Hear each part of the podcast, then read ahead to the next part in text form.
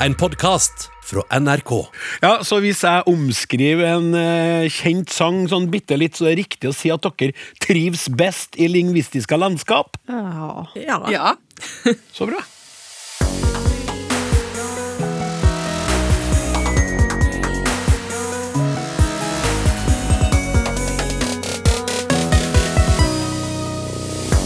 Visste du at når du sier vipse, så verber du? Varemerker som gjøres om til verb, blir stadig mer vanlig, forteller Patentstyret, som kommer til oss. I de nordligste delene av Norge har ulike språk levd side om side i hundrevis av år. Vi ser nærmere på et særdeles frodig lingvistisk landskap, men hva er egentlig det?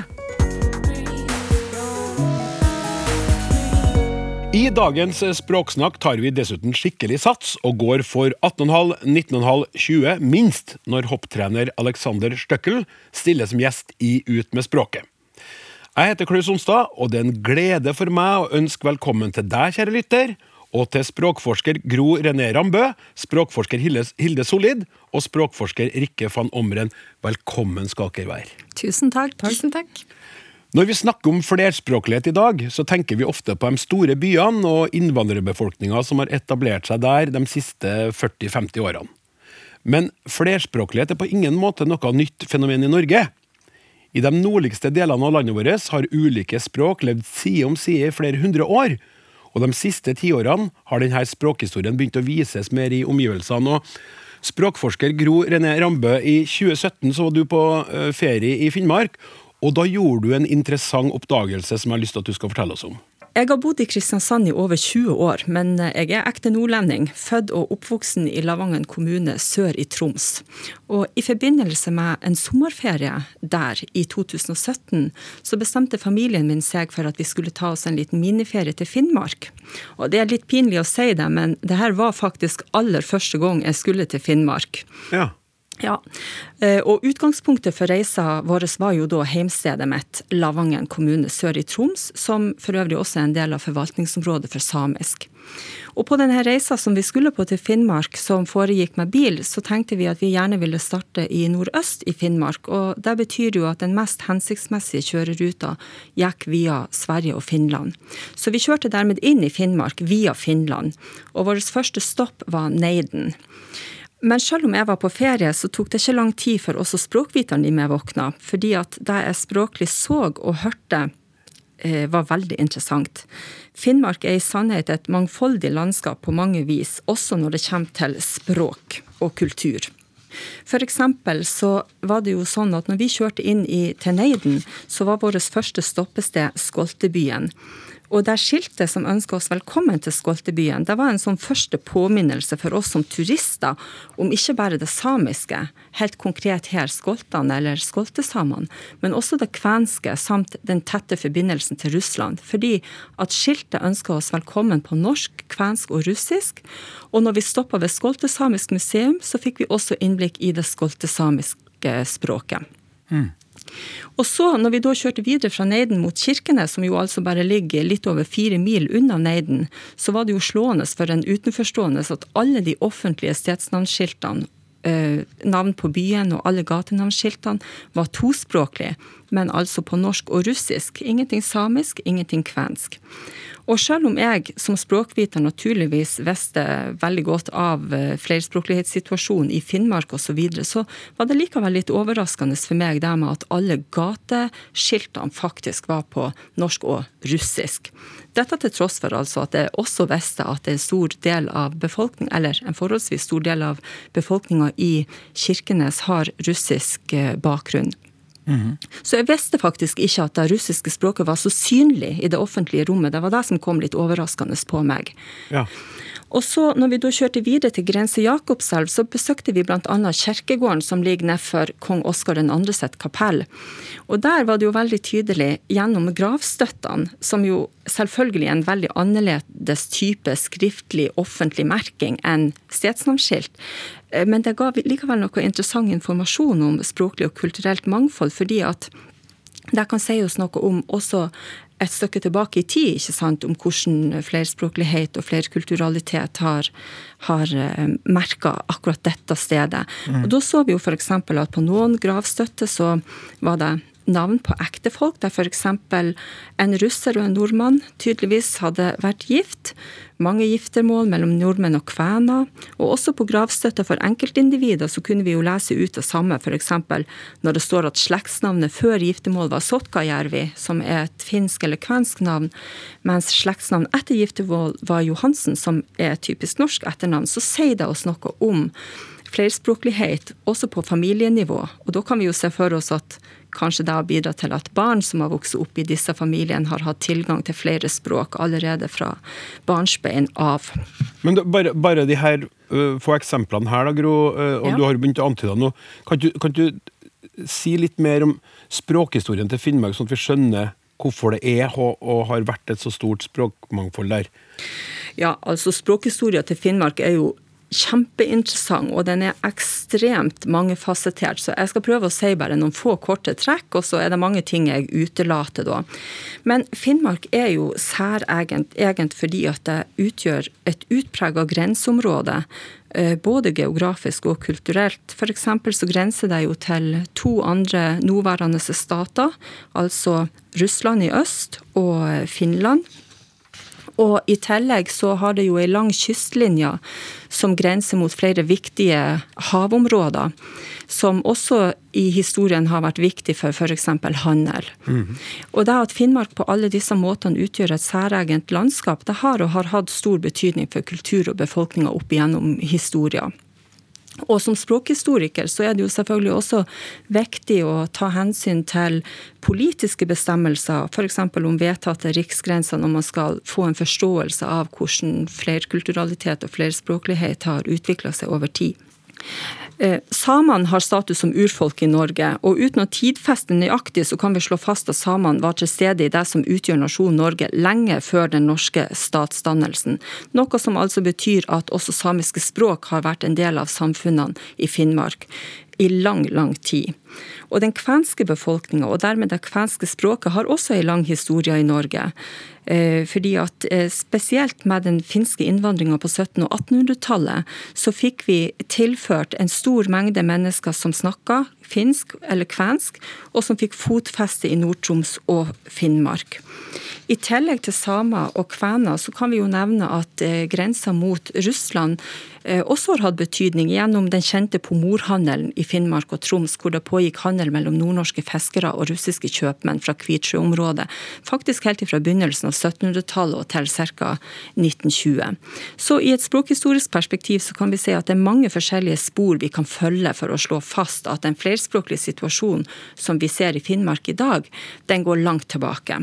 Ja, og oppi alt det her så, eh, så uh, kommer det jo en aggressiv fornorskningspolitikk som er retta mot samisk og kvensk. Hilde Solid starter på 1800-tallet på midten et sted og varer fram til 1960-70-tallet. Mm.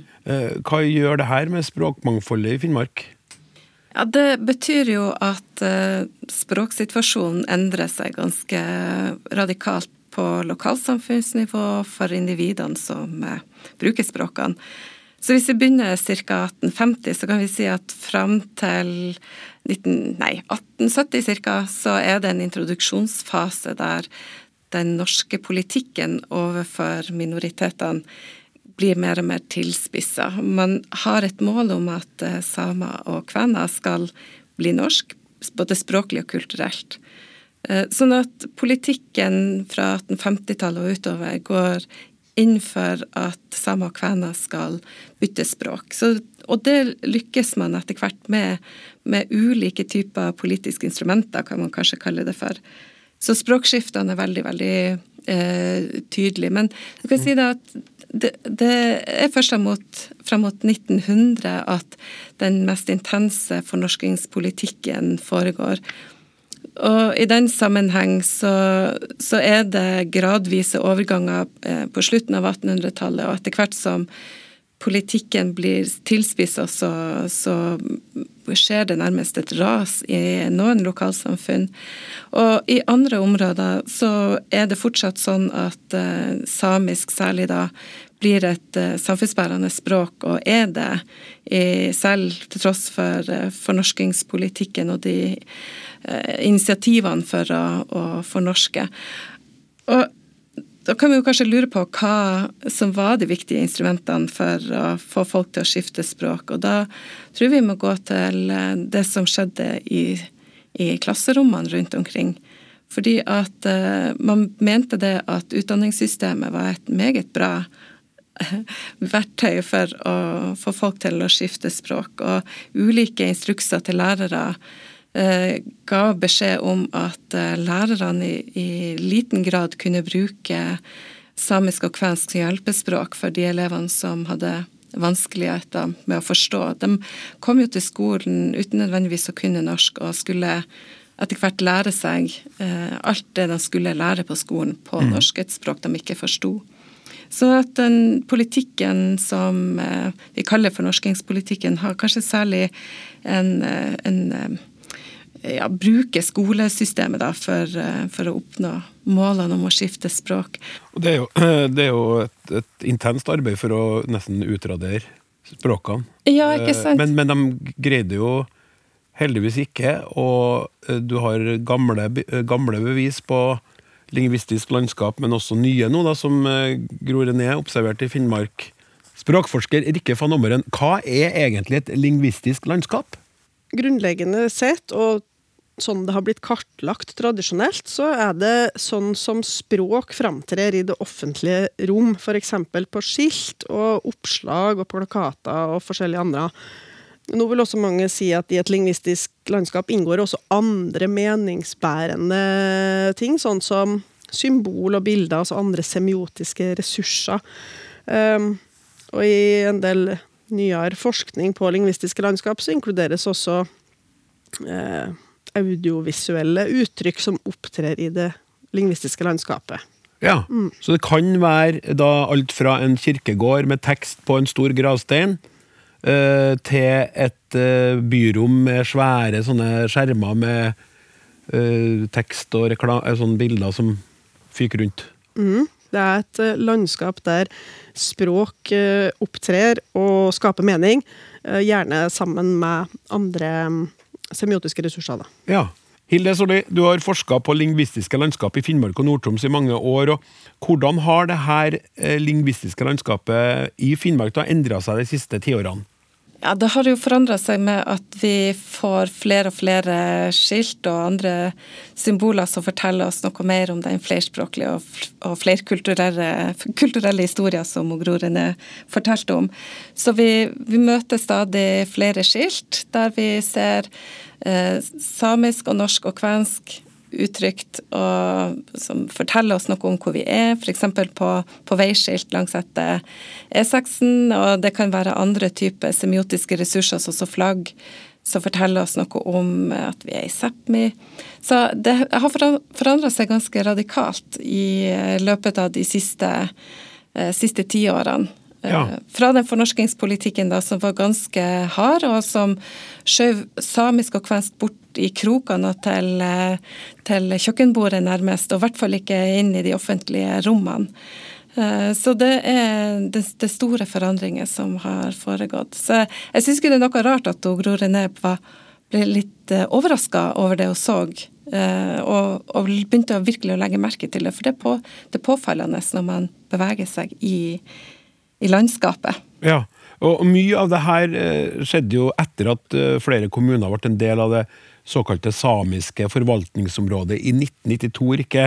Og hva innebærer det for en kommune å bli en del av det her forvaltningsområdet?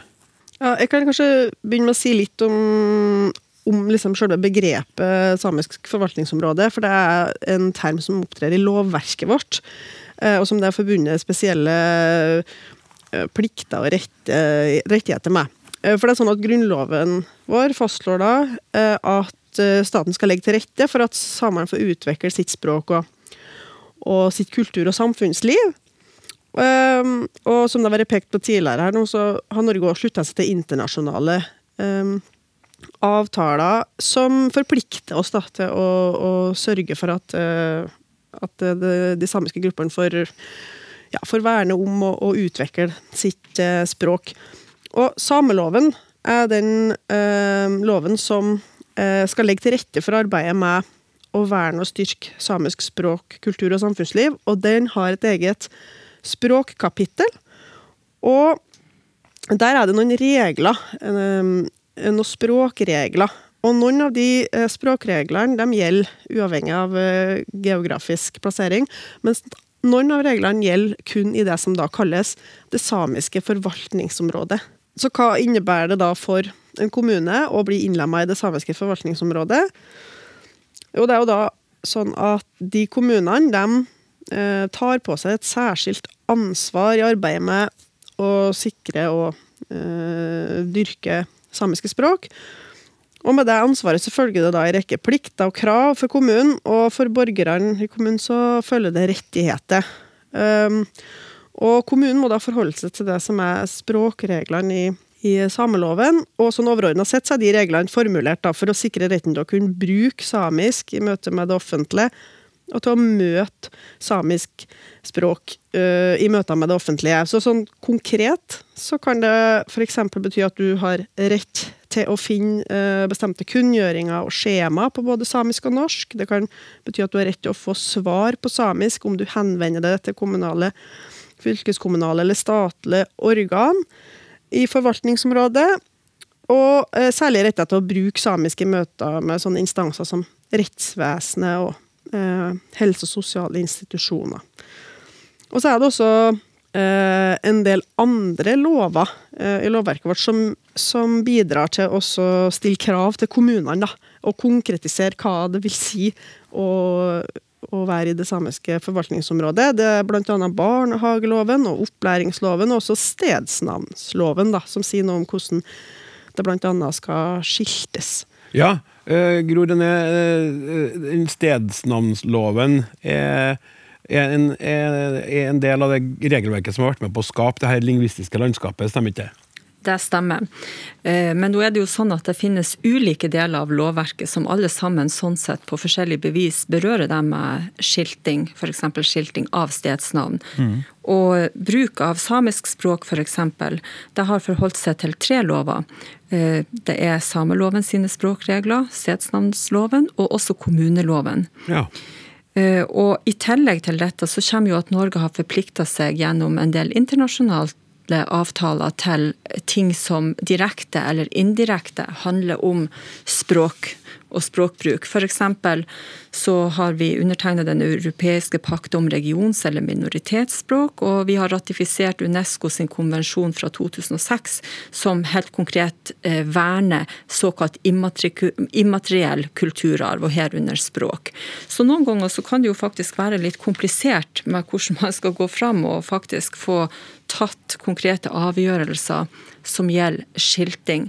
Og der ser vi jo f.eks. nå når, eh, når eh, Stortinget faktisk i går vedtok nye navn for nasjonen Norge på tre samiske språk og kvensk. Mm. Så en interessant ting med, med det vedtaket er at eh, for de som skal sette opp stedsnavnskilt f.eks. ved riksgrensen, Statens vegvesen, så har de også et regelverk de forholdt seg til, de såkalte skiltnormalene. Og de skiltnormalene har faktisk fram til nokså nylig ikke tillatt f.eks. skilting på kvensk. De har vært regulert sånn at de har åpna for skilting på samisk. Så dermed så måtte også det, det regelverket endres for å kunne få på plass konkret bestemmelse om eh, å sette opp nye skilt ved riksgrensene, som nå altså er gjort. Ja, og det her eh, kan jo ende opp med å skape reaksjoner. Det har i hvert fall tidligere skapt reaksjoner når det har dukka opp ting i det lingvistiske landskapet som har blitt opplevd som en sånn radikal endring. Skal høre et, et klipp her eh, fra en sånn eh, hendelse. Bak malinga er et samisk navn. Noen har malt over og sønderskutt det samiske skiltet. Jeg syns det er provoserende, rett og slett. Hadde de hatt vett å sette det samiske på skiltene og under det norske, så tror jeg nok det ville vært litt bedre, ja.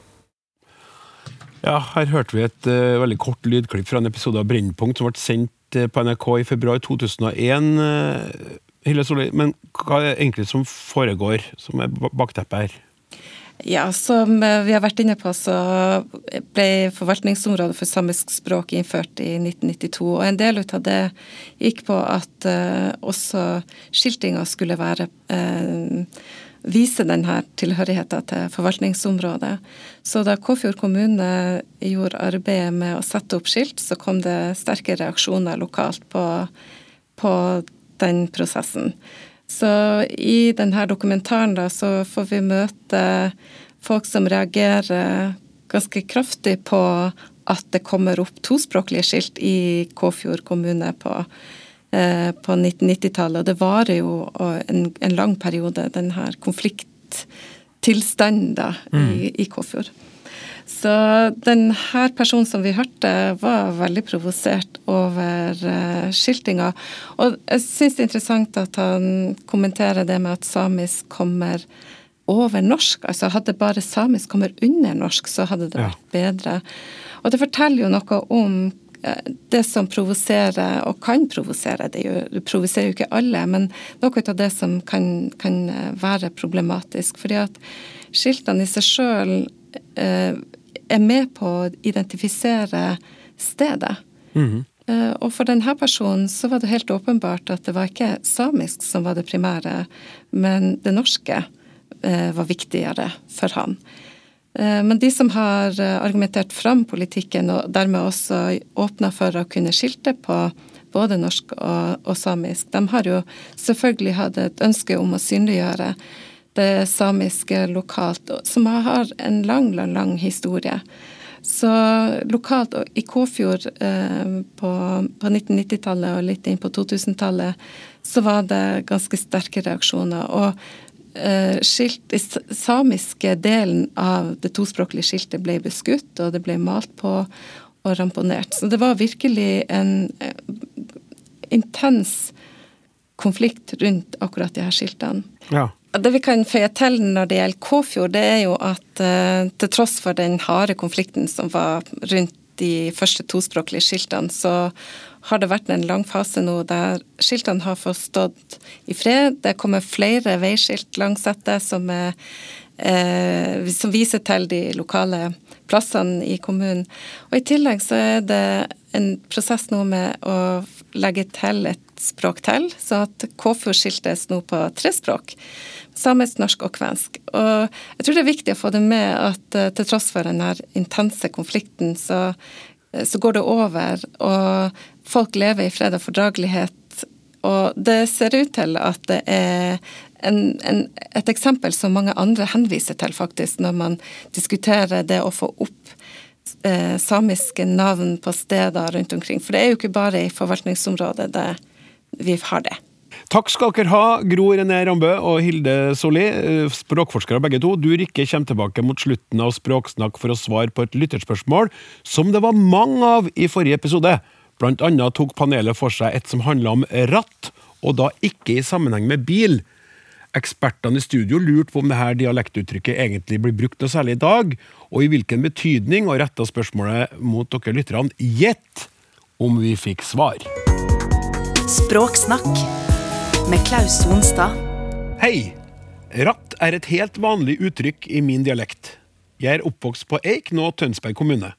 Jeg bruker uttrykket hvis det er en hendelse frem i tid som det knytter seg en usikkerhet til. For eksempel 'Hun kommer ratt allerede i kveld'. Eller 'Hun har ratt spist middag før hun kommer'. Jeg kan også si 'Det skal du ratt se'. Jeg er ikke sikker på om uttrykket er like vanlig blant yngre mennesker. Jeg er født i 1943, altså en godt voksen dame, skriver Grete Pedersen fra Horten. Jeg blir 50 år nå. I Sandefjord bruker vi, bruker vi ratt. Ja, det skal du ratt se at kan skje. Han kan jo ratt finne på å skriver Magne Brekke. Dere etterlyser bruk av ratt, skriver Britt Haugbro.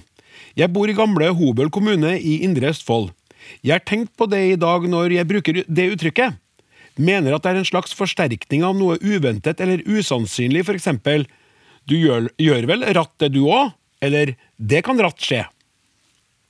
Og så kommer det en eh, e-post fra en litt annen del av landet. Hei! Undrer meg at ingen i panelet kjente til den gamle folkevisen om hvor bakvendt verden somme tider kan være. I visen er ratt brukt som enderim i refrenget, i betydningen ganske eller veldig. Merk også at skrivemåten ikke er ratt, som i bil, men RADT. Og det her er den bakvendte visa det handler om, og dere kan eh, ta da og gå inn på internettet og så inn på Wikipedia og lese mer om den. Men Knut, Knut Tveitane som skriver, han er fra Bergen. Hei! På Toten bruker vi ordet ratt. Jeg bruker det ofte. Jeg kommer rett til å, til å ta meg en tur. Jeg tror ratt han kommer til å vinne hele greia. Det blir ratt regnen i kveld. Ratt indikerer da kanskje, muligens, kan hende. Takk for fint program. Med vennlig hilsen Ann Karoline Dalheim Rye fra Raufoss. Da har vi ratt fått svar på ratt. Nå skal vi ta imot dagens gjest i Ut med språket. Han er en musikalsk datanerd med godt språkøre som bruker store deler av vinteren, og resten av året for så vidt, på skihopp. Alexander Støkkel, velkommen. Du har nettopp feira tiårsjubileum som hovedtrener for det norske landslaget i skihopping for herrer. Gratulerer. Jo, takk skal du ha. Det føles jo litt rart. Det, tida har gått veldig, veldig fort, men det pleier man å si at det er et godt tegn. Ja, Er det like lett å finne inspirasjon eh, i trenerjobben nå som da du begynte i mars 2011?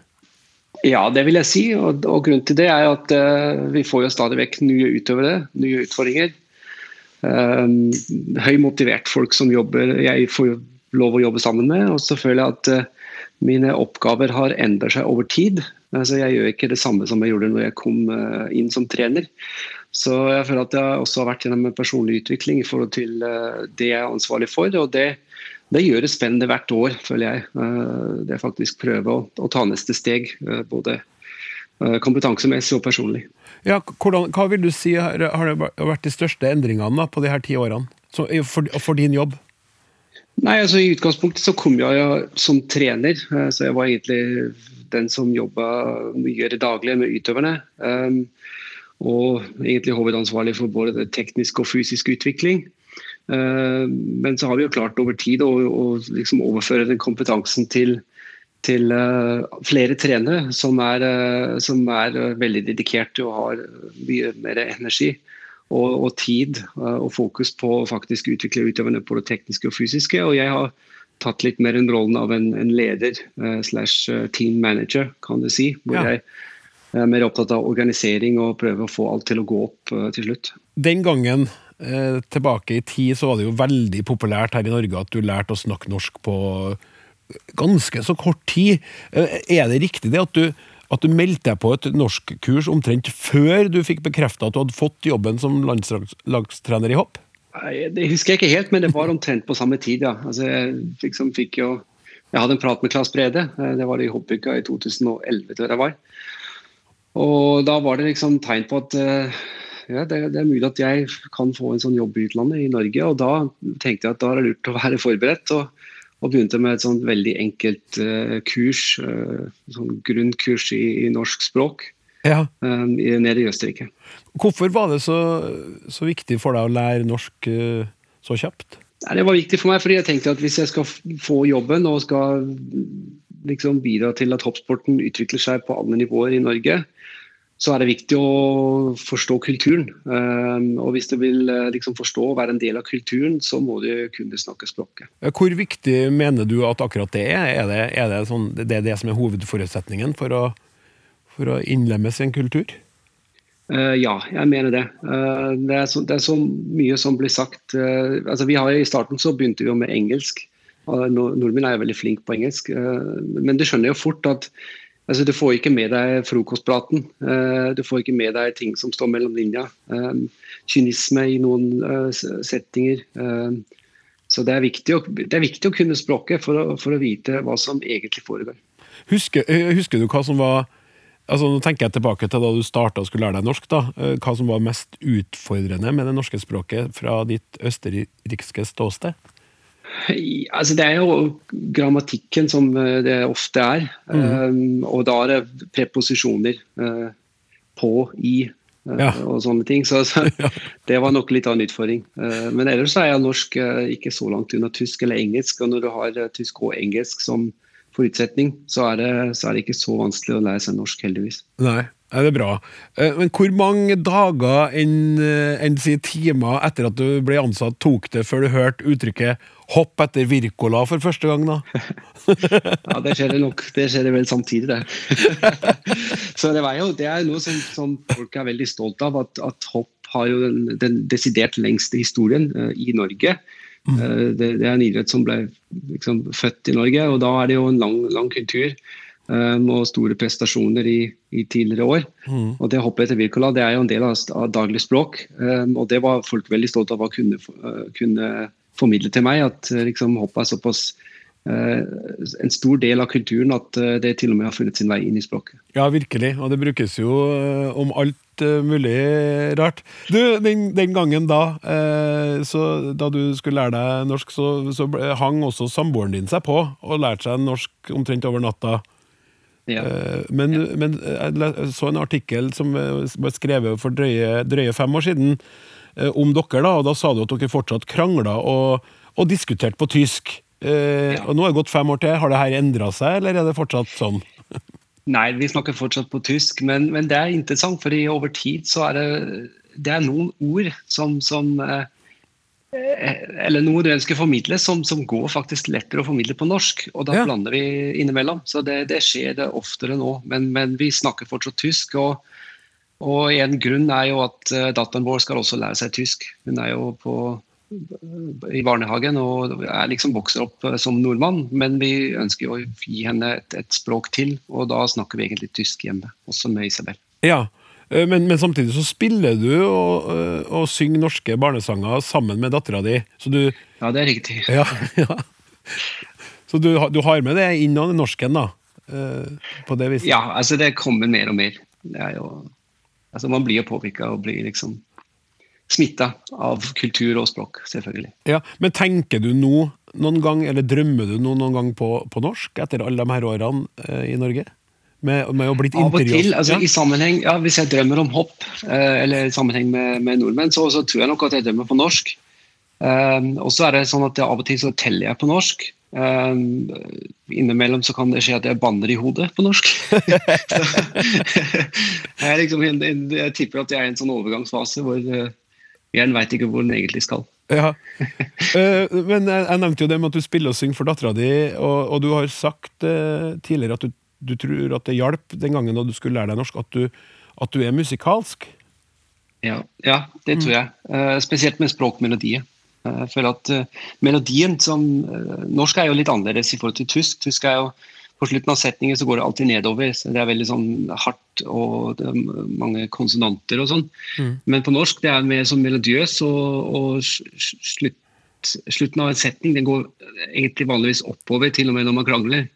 Ja. Er, eh, og da hjelper det når man har litt sånn forståelse for musikk og er litt musikalsk, så er det lettere å liksom ta med seg melodien av språket, som, som tror jeg er en fordel. For det er liksom det første folk legger merke til, at hvis du ikke har melodien, så skjønner man fort at du ikke er ja, at du ikke er eh, at du er utlending. Eh, og, og, og det som, eh, En av de mange tingene som kom frem eh, om deg da du ble henta inn det, altså det er fascinerende må jeg si, å søke tilbake og se eh, alt, alt man, man prøver å finne ut om når du når du skulle bli hopptrener. Det var sånn, det var ikke måte på eh, artikler om alt mulig annet enn hoppsporten. Og Det ene var jo da at du var en habil sanger og låtskriver, og at du har vært med i, ei a cappella-gruppe som, som den gangen het Harry and the Nicknames. Eh, ja, og, og vi har et bitte lite klipp fra en sang der du synger, som vi skal høre nå.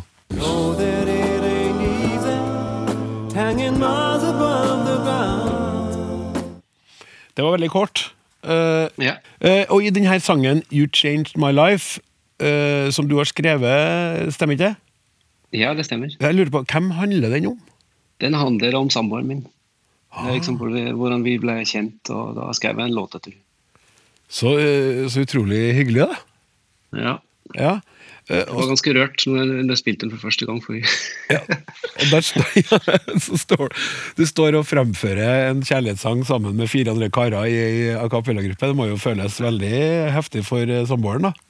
Ja, det kom seinere, det med a cappella-gruppe. Først var Ja. det på piano. At jeg satt alene og spilte den for så. Ah, så tok du den inn i gruppa senere? Og så tok vi den inn i gruppa og framførte den på den måten. Eh, En litt annen variasjon av den. Så ja. Ja, herlig.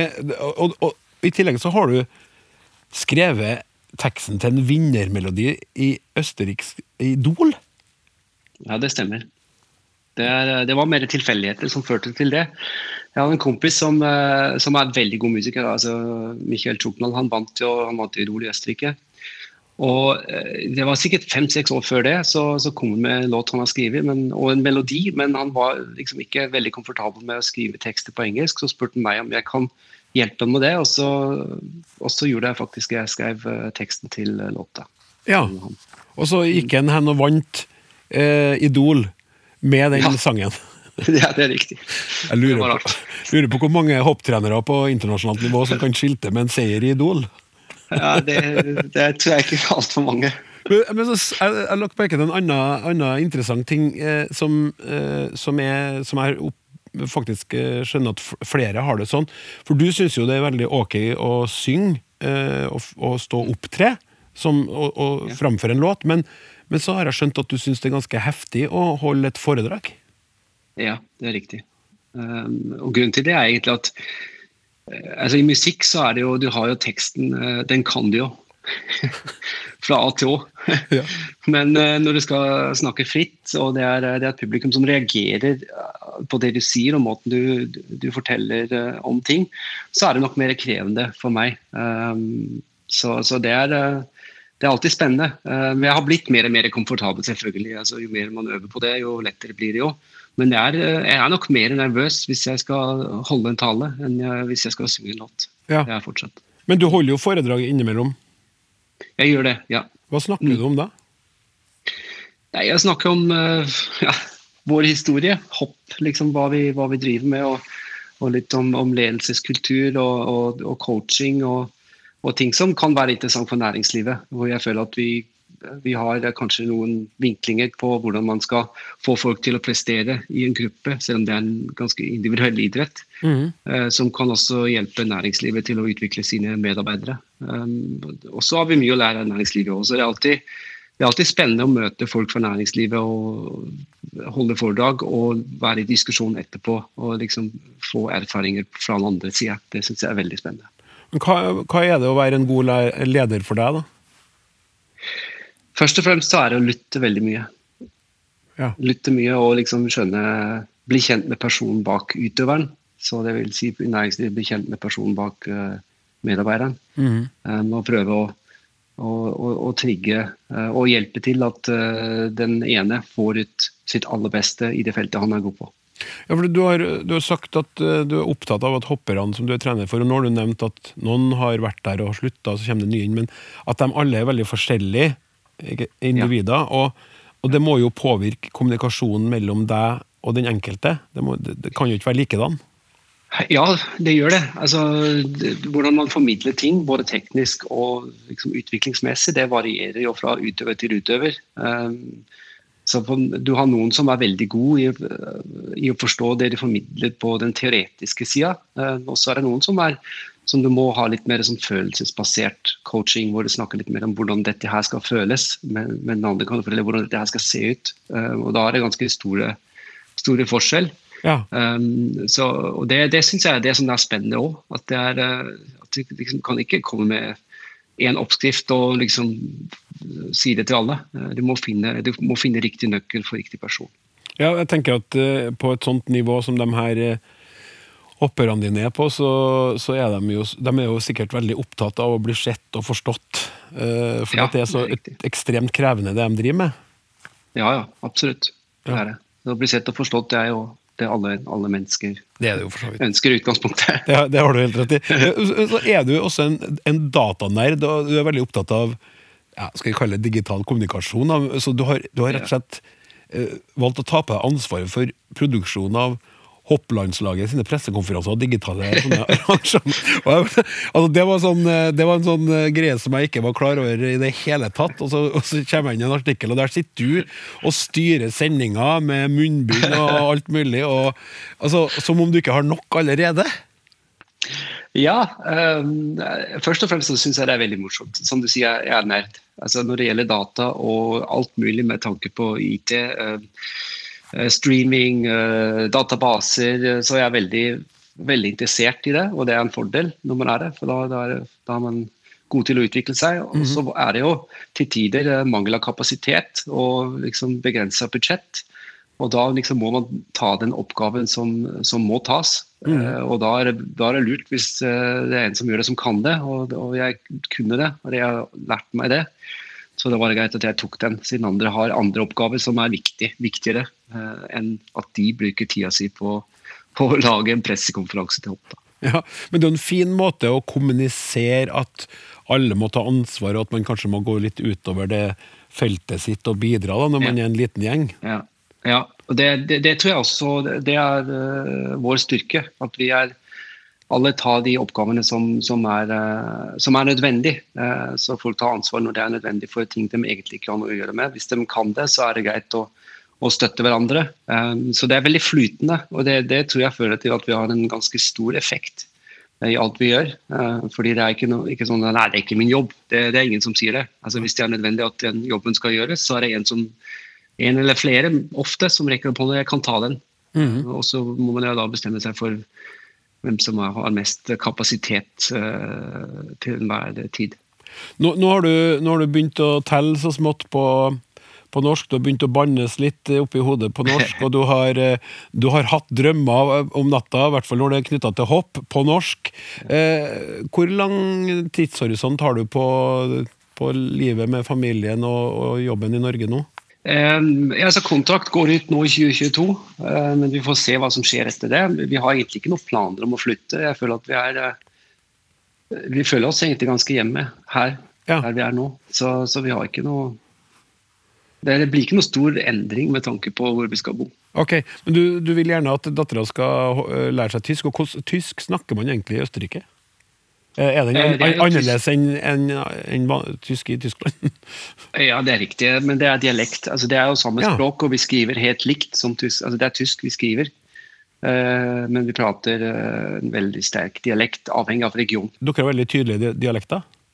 Ja, det har vi. Ja. Mm. For det la du vel merke til i Norge da du kom hit og hadde lært deg litt norsk, at vi snakker Absolutt. ganske Ja. Ja, absolutt. Altså, trøndere har rett å kjenne. Ja, ja. og så, og det, det, det jeg sier, det, det jeg liker uh, i Norge, er at man pleier dialektene. Uh, så det vil si at du har jo um, nyhetssendinger.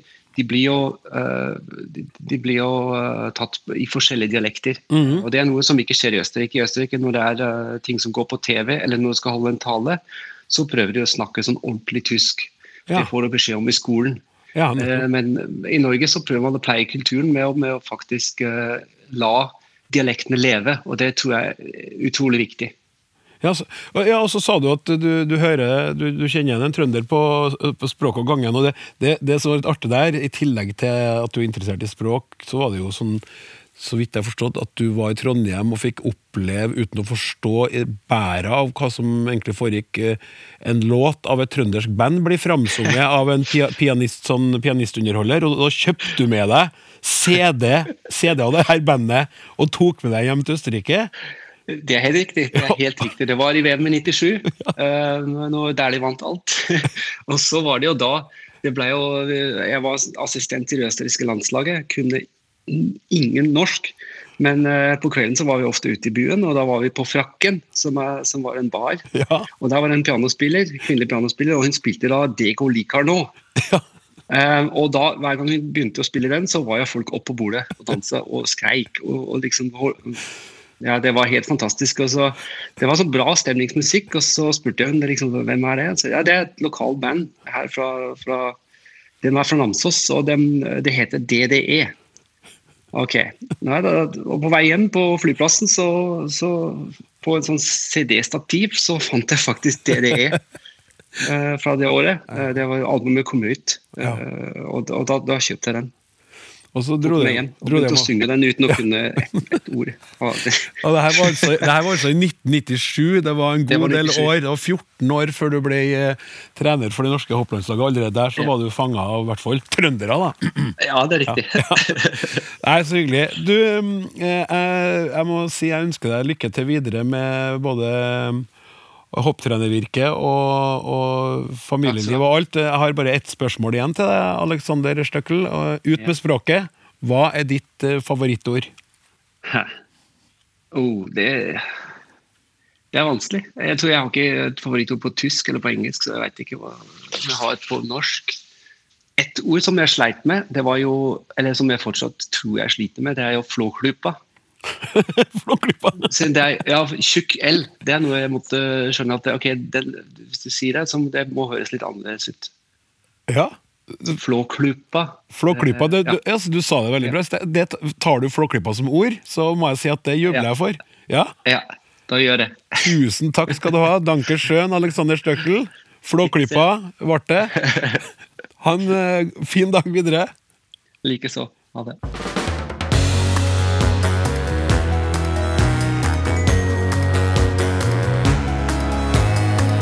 Språksnakk med Klaus Sonstad. Har du vippsa noen i dag? Raida du en tur etterpå? Sitter du og googler mens jeg snakker? Det jeg gjør akkurat nå, kalles å verbe. Det betyr at jeg lager et verb av noe som ikke er et verb. Det er mange varemerker som blir utsatt for sånn verbing i det norske språket for tida. Og det bør de som eier varemerkene være oppmerksom på, mener Patentstyret. Og der jobber jo du, da, seksjonssjef Solrun Dolva, i Patentstyret, som du kanskje kan forklare hva er til å begynne med. Det kan jeg gjøre. Patentstyret behandler søknader om design og varemerke og patent, sånn at folk kan få beskytta de ikke-materielle verdiene sine. Altså det som ikke er hus og maskiner og driftstilbehør og sånn. Ja, Har du noen flere eksempler på den såkalte verbinga av varemerker? Ja, det begynte jo med at jeg hørte sønnen min sa at han hadde voia eh, fra Youngstorget til, eh, til Hegdehaugsveien. Og så tenkte jeg ja, den sparkesykkelen heter jo Voi, men sier man da Voie? Og så tenkte jeg på nettopp at vi vipser jo i vilden sky. Noen Jeg har slutta å date for jeg har hatt sølvbryllup, men noen pindrer. Og noen naver. Og noen Ja, det å skype. Og så tenkte jeg, gjør jeg Skyper jeg når jeg er på Teams? tenkte jeg her. Og så tok jeg meg selv i å si at jeg er litt trøtt av å sitte på hjemmekontor og teamse. Ja, Sånn at det er nok teamse, en sånn naturlig ting å gjøre. Men eh, eh, hvorfor bør eh, selskaper som eier varemerker være oppmerksom på det her fenomenet? Altså, det er jo en eh, Det kan jo være tegn på en suksess. Du har vært tidlig ute med et produkt, og du er kanskje enerådende på markedet. Eh, og det er noe med at det er kanskje en helt ny tjeneste eller et nytt produkt. Sånn at folk ikke vet helt hva de skal kalle, kalle dyret. Eh, og så bruker de varemerket som, som verb, da. Ja. Eh, og det er ikke nødvendigvis noe farlig. Jeg tror ikke Google har, eh, har tapt noe på det, men, men det er en liten fare for at, det kan, at varemerket kan bli utvannet. Ja, for, for tidligere så har vi hørt eh, om problem som kan oppstå når et varemerke tas i bruk i språket som en sånn generell betegnelse for en ting sånn, ja, som termos, som er et varemerke, thermos, og potetgull, og Segmann og Stressless, som alle var sånne varemerker. Hva er grunnen til at flere varemerker blir verba nå, tenker du? Altså, Tidligere så har det som du sier, ofte vært knytta til varer. Så jeg vet ikke om det er det. altså Dette blir litt sånn synsing, men kanskje er det flere tjenester som, eh, som lanseres nå. ikke sant? Det er digitalisering, globalisering. Mye spres fort på duppedingser og apper. Og så, og så har det kanskje klingende navn som gjør at vi fort nettopp sier at nå skyper vi eller teamser. At det blir en effektiv måte å, å snakke på. Ja, det sitter jo en eh, kar her og nikker nå. Lars Frengstad, lærer på Tiller videregående skole i Trondheim. Norsklærer. Og Ja. du har skrevet en masteroppgave om nettopp verbing. Eh, Hva er det som egentlig skjer når vi tar et ord og lar det vandre og bli et verb? Det er jo egentlig to skoler her, eh, og min masteroppgave den ser på den, kan du si, den mer moderne eh, tanken på det. Og det er at eh, sjølve setninga har en mening, og når du har den grunntanken, på en måte, så kan hva som helst stå i verbposisjon og bli verb. Så um, rekkefølgen av ord har også en mening. Og de på en måte konseptene som ligger bak da ordet, verbet da, som du bruker, vil da eh, gi mening til den setninga. Ok. Mm.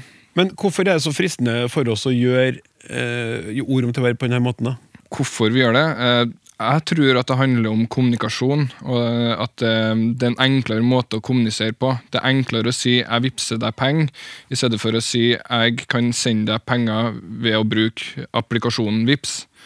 Eh, som en keikete måte å kommunisere på. Så jeg tror det, og så tror jeg òg at det er en teknologisk utvikling. Eh, vi får nye ting hele tida, så vi, det er nødvendighet. da. Vi, vi, vi, må ha nye ord. og det er kun VIPS som har akkurat de konseptene i seg så, eh, som sender ikke har. Altså et annet ord som du kunne brukt istedenfor. Mm. Eh, så ja. Tror du det har noe å si eh, hvor godt navnet fungerer på det det faktisk hjelper oss med? Altså sånn VIPS, det er jo Vips, så fikk jeg overført penger til deg, Lars. Eh, og, og, jeg vipsa deg de mm. pengene.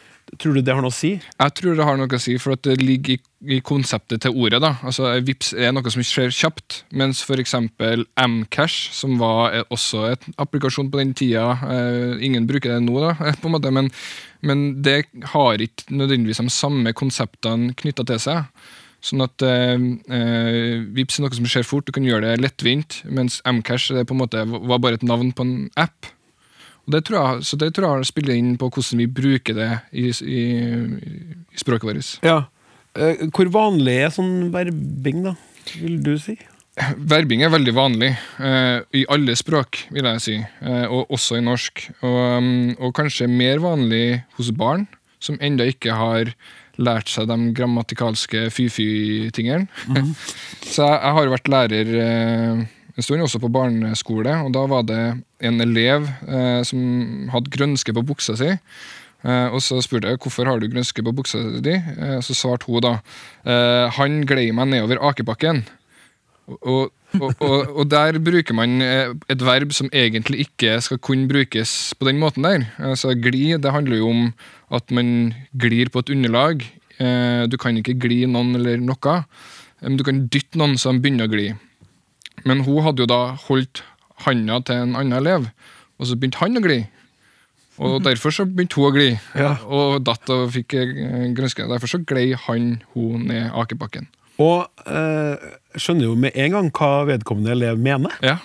ja, det er rart det der, for at alle sammen har jo de konseptene. Selv om eh, hvis jeg sier ordet katt til deg, så har du kanskje annet bilde. altså Du har kanskje et bilde av en katt i hodet ditt. Den er svart eller så er den brun eller hva som helst. Den er lodden eller pels eller ikke har pels eller lukt, eller du får noen følelser som ikke jeg får. Men noen grunnleggende konsepter er likens. altså Det er et dyr, og den beveger seg på denne måten og sånne ting. Eh, og det på en måte gjør det sånn at vi tar sånne kreative verbekonstruksjoner eller kreative setninger med en gang. Ja. Ingen som visste eller hadde hørt å vippse før det ble brukt, men alle sammen skjønte det med en gang. Ja. Mm. Eh, Solrun, hva kan være problemet for varemerkeeiere med at varemerkene deres begynner å bli verba? da? Eh, altså Verbing kan jo være noe selskapet selv ønsker som en markedsføringsstrategi. Og det var jo Vips veldig tydelig på at de ønsket. Ja.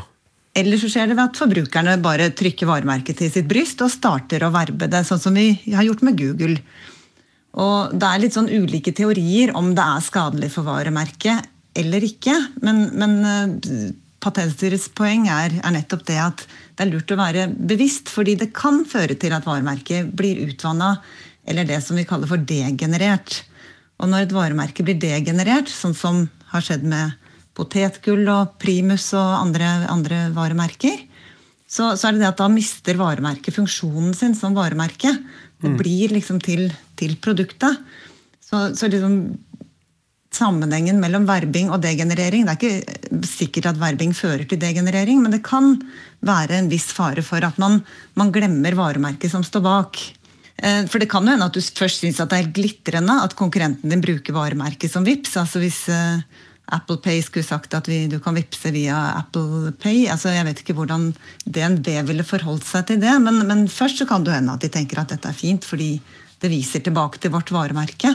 Men, men, da kan nettopp ting endre seg litt ved at du kanskje får en Hvis Apple Pay blir veldig store, eh, så kan det føre til at da dette varemerket blir degenerert. Så det man kan gjøre eh, når man nettopp har en tjeneste som, som blir verbet, så kan man jo prøve å og vise til at det er et varemerke ved å bruke det med stor bokstav og vise at det er et, et varemerke, ikke bare bruke det som, som substantiv eller verb. Mm -hmm.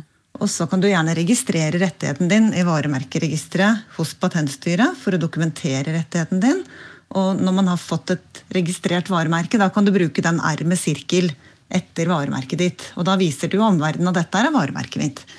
Og har du ikke fått registrert det, så går det an å bruke TM etterpå for trademark. Ja. Så det er sånne lure, lure tips.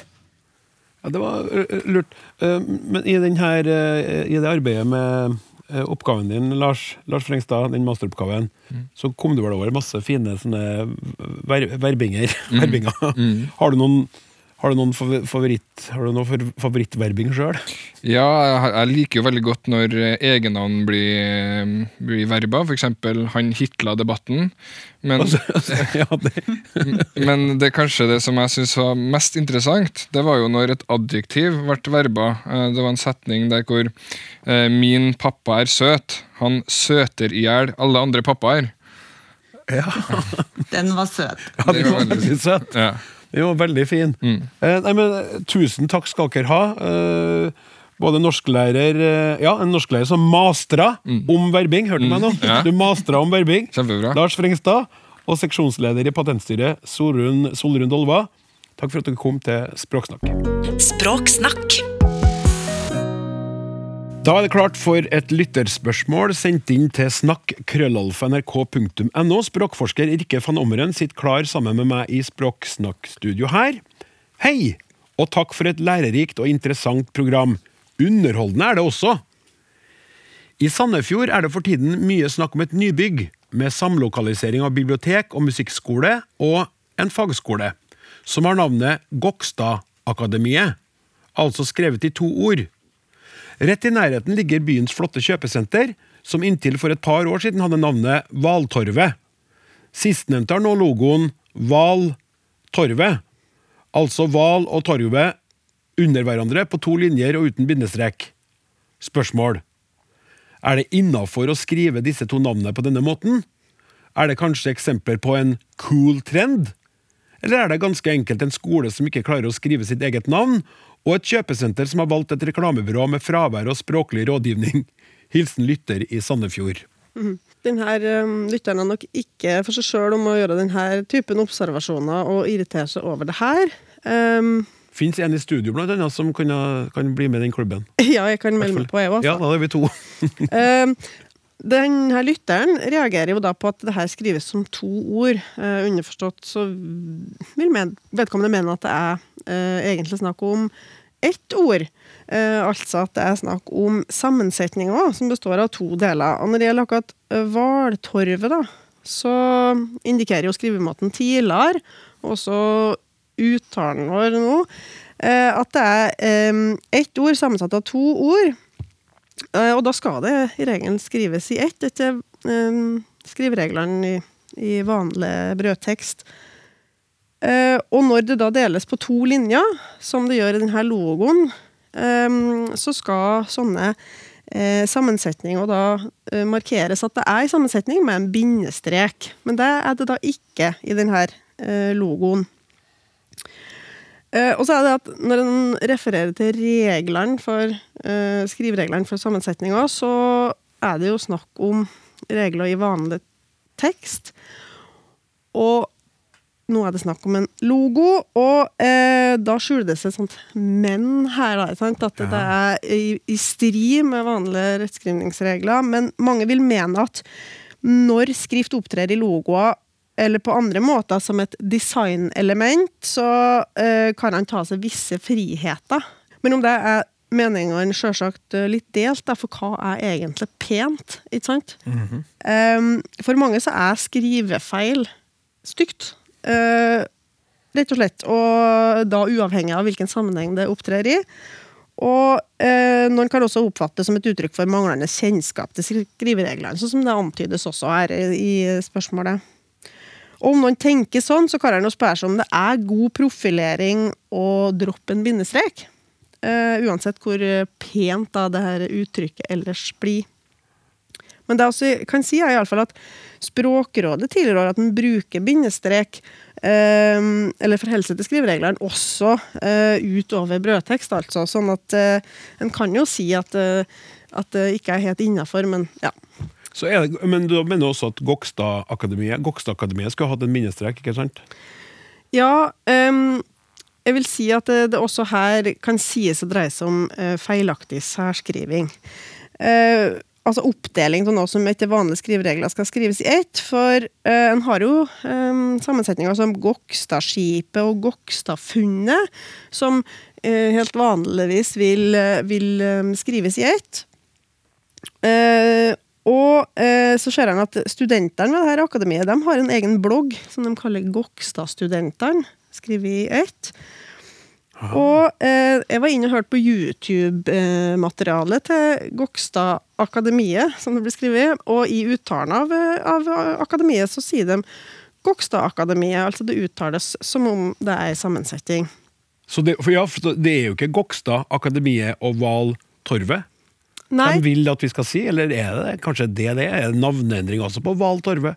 Kanskje de vil at vi skal si Val Torve nå? Um, nei, jeg var inne og så på hvordan det opptrer i brødtekst. da, uh, I liksom måter det blir omtalt på, og i, i mesteparten av tilfellene så blir det sammenskrevet. Aha! Uh, så det er egentlig nesten bare i denne logoen at det opptrer uten denne bindestreken som markerer sammensetninga. Eh, men når det gjelder um, Gokstad Akademiet, så er det jo ikke helt uh, utvetydig hvordan de vil at oss skal lese det. da.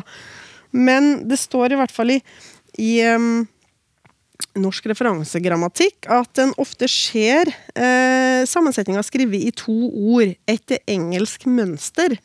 Uh, især i annonser, i oppslag i butikker, i firmanavn og lignende. Og der det er omtalt, så står det at det, det er da i strid med de vanlige skrivereglene. Men en ser altså at det forekommer. Så er det innafor. Ikke til skrivereglene, men noen vil kanskje mene at det er greit i noen bestemte sammenhenger. Språksnakk er ved veis ende. Tekniker Martin Våge, produsent Hilde Håbjørg, redaksjonsmedlem Randi Lillealteren og programleder Klaus Sonstad gleder seg allerede til neste gang. Takk til ekspertene og dagens gjester, og ikke minst tusen takk til deg som hører på.